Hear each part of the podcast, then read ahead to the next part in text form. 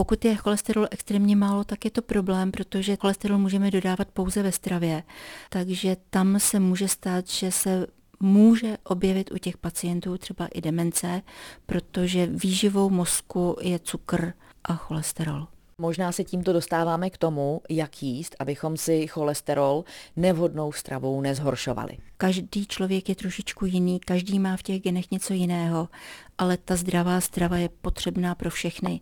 Jak všichni vědí, tak se u nás propaguje středomořská strava, to znamená ryby, rostlinné oleje, znamená to vyhýbat se živočišným tukům, sádlu, máslu a dřív se říkalo třeba, že žloudek zvyšuje cholesterol, pak se zase přišlo na to, že to není pravda, pak se zase přišlo, že to pravda je, takže brát to podle selského rozumu, nepřehánět ani na jednu stranu, ani na druhou stranu. Naopak naši předci velice úspěšně a dlouhá staletí smažili na sádle a někdo dokonce říká, že to je to nejzdravější, na čem můžeme smažit. Je to tak, jenomže už se neříká, to je to A a už se neříká to B, že naši předkové chodili všude pěšky, měli těžkou fyzickou práci a hýbali se. A hýbali se i ti, kteří třeba byli někde na úřadu jako úředníci, měli sedavé zaměstnání, tak domů potom nejezdili autem, protože ta auta nebyla a chodili pěšky.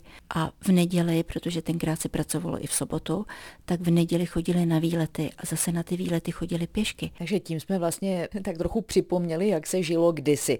A dostáváme se vlastně k závěru, že pokud si i dopřejeme něco, co na první pohled vypadá nezdravě, jako například to smažení na sádle, tak zkrátka, když to vyrovnáme opravdu dostatečným pohybem, tak by to mohlo být v pořádku. Souhlasíte jako lékař? Tak by se všechny ty nepravosti, kterých jsme se dopustili, měly by se spálit. Ale znamená to skutečně aktivní pohyb a pokud možno čerstvém vzduchu. No je všude teď spousta fit center, je to úžasné, protože lidé to mají blízko, případně i někde přímo v domě, ale pohyb na zdravém vzduchu je podstatně lepší, protože se lépe ty svaly prokysličí. Není tam klimatizace nikde, jako je v těch fitness centrech. Nechytí tam třeba nějakou další chorobu, nějakou infekci. Takže pokud se chcete pohybovat, tak to dělejte venku. Jaká je ta všeobecná rada? Každý jsme jiný, každý máme v těch genech něco úplně jiného, ale je důležité dodržovat ty zásady zdravé výživy. To, jestli ten cholesterol máte o něco vyšší nebo o něco nižší, než jsou ty mezinárodní guideliny, tak to už je na vašem praktickém lékaři, jak to vyhodnotí, jestli vám bude dávat medikaci na snížení cholesterolu. Záleží na vašem dalším stavu, záleží na stavu vašich cév, záleží na vašem tlaku.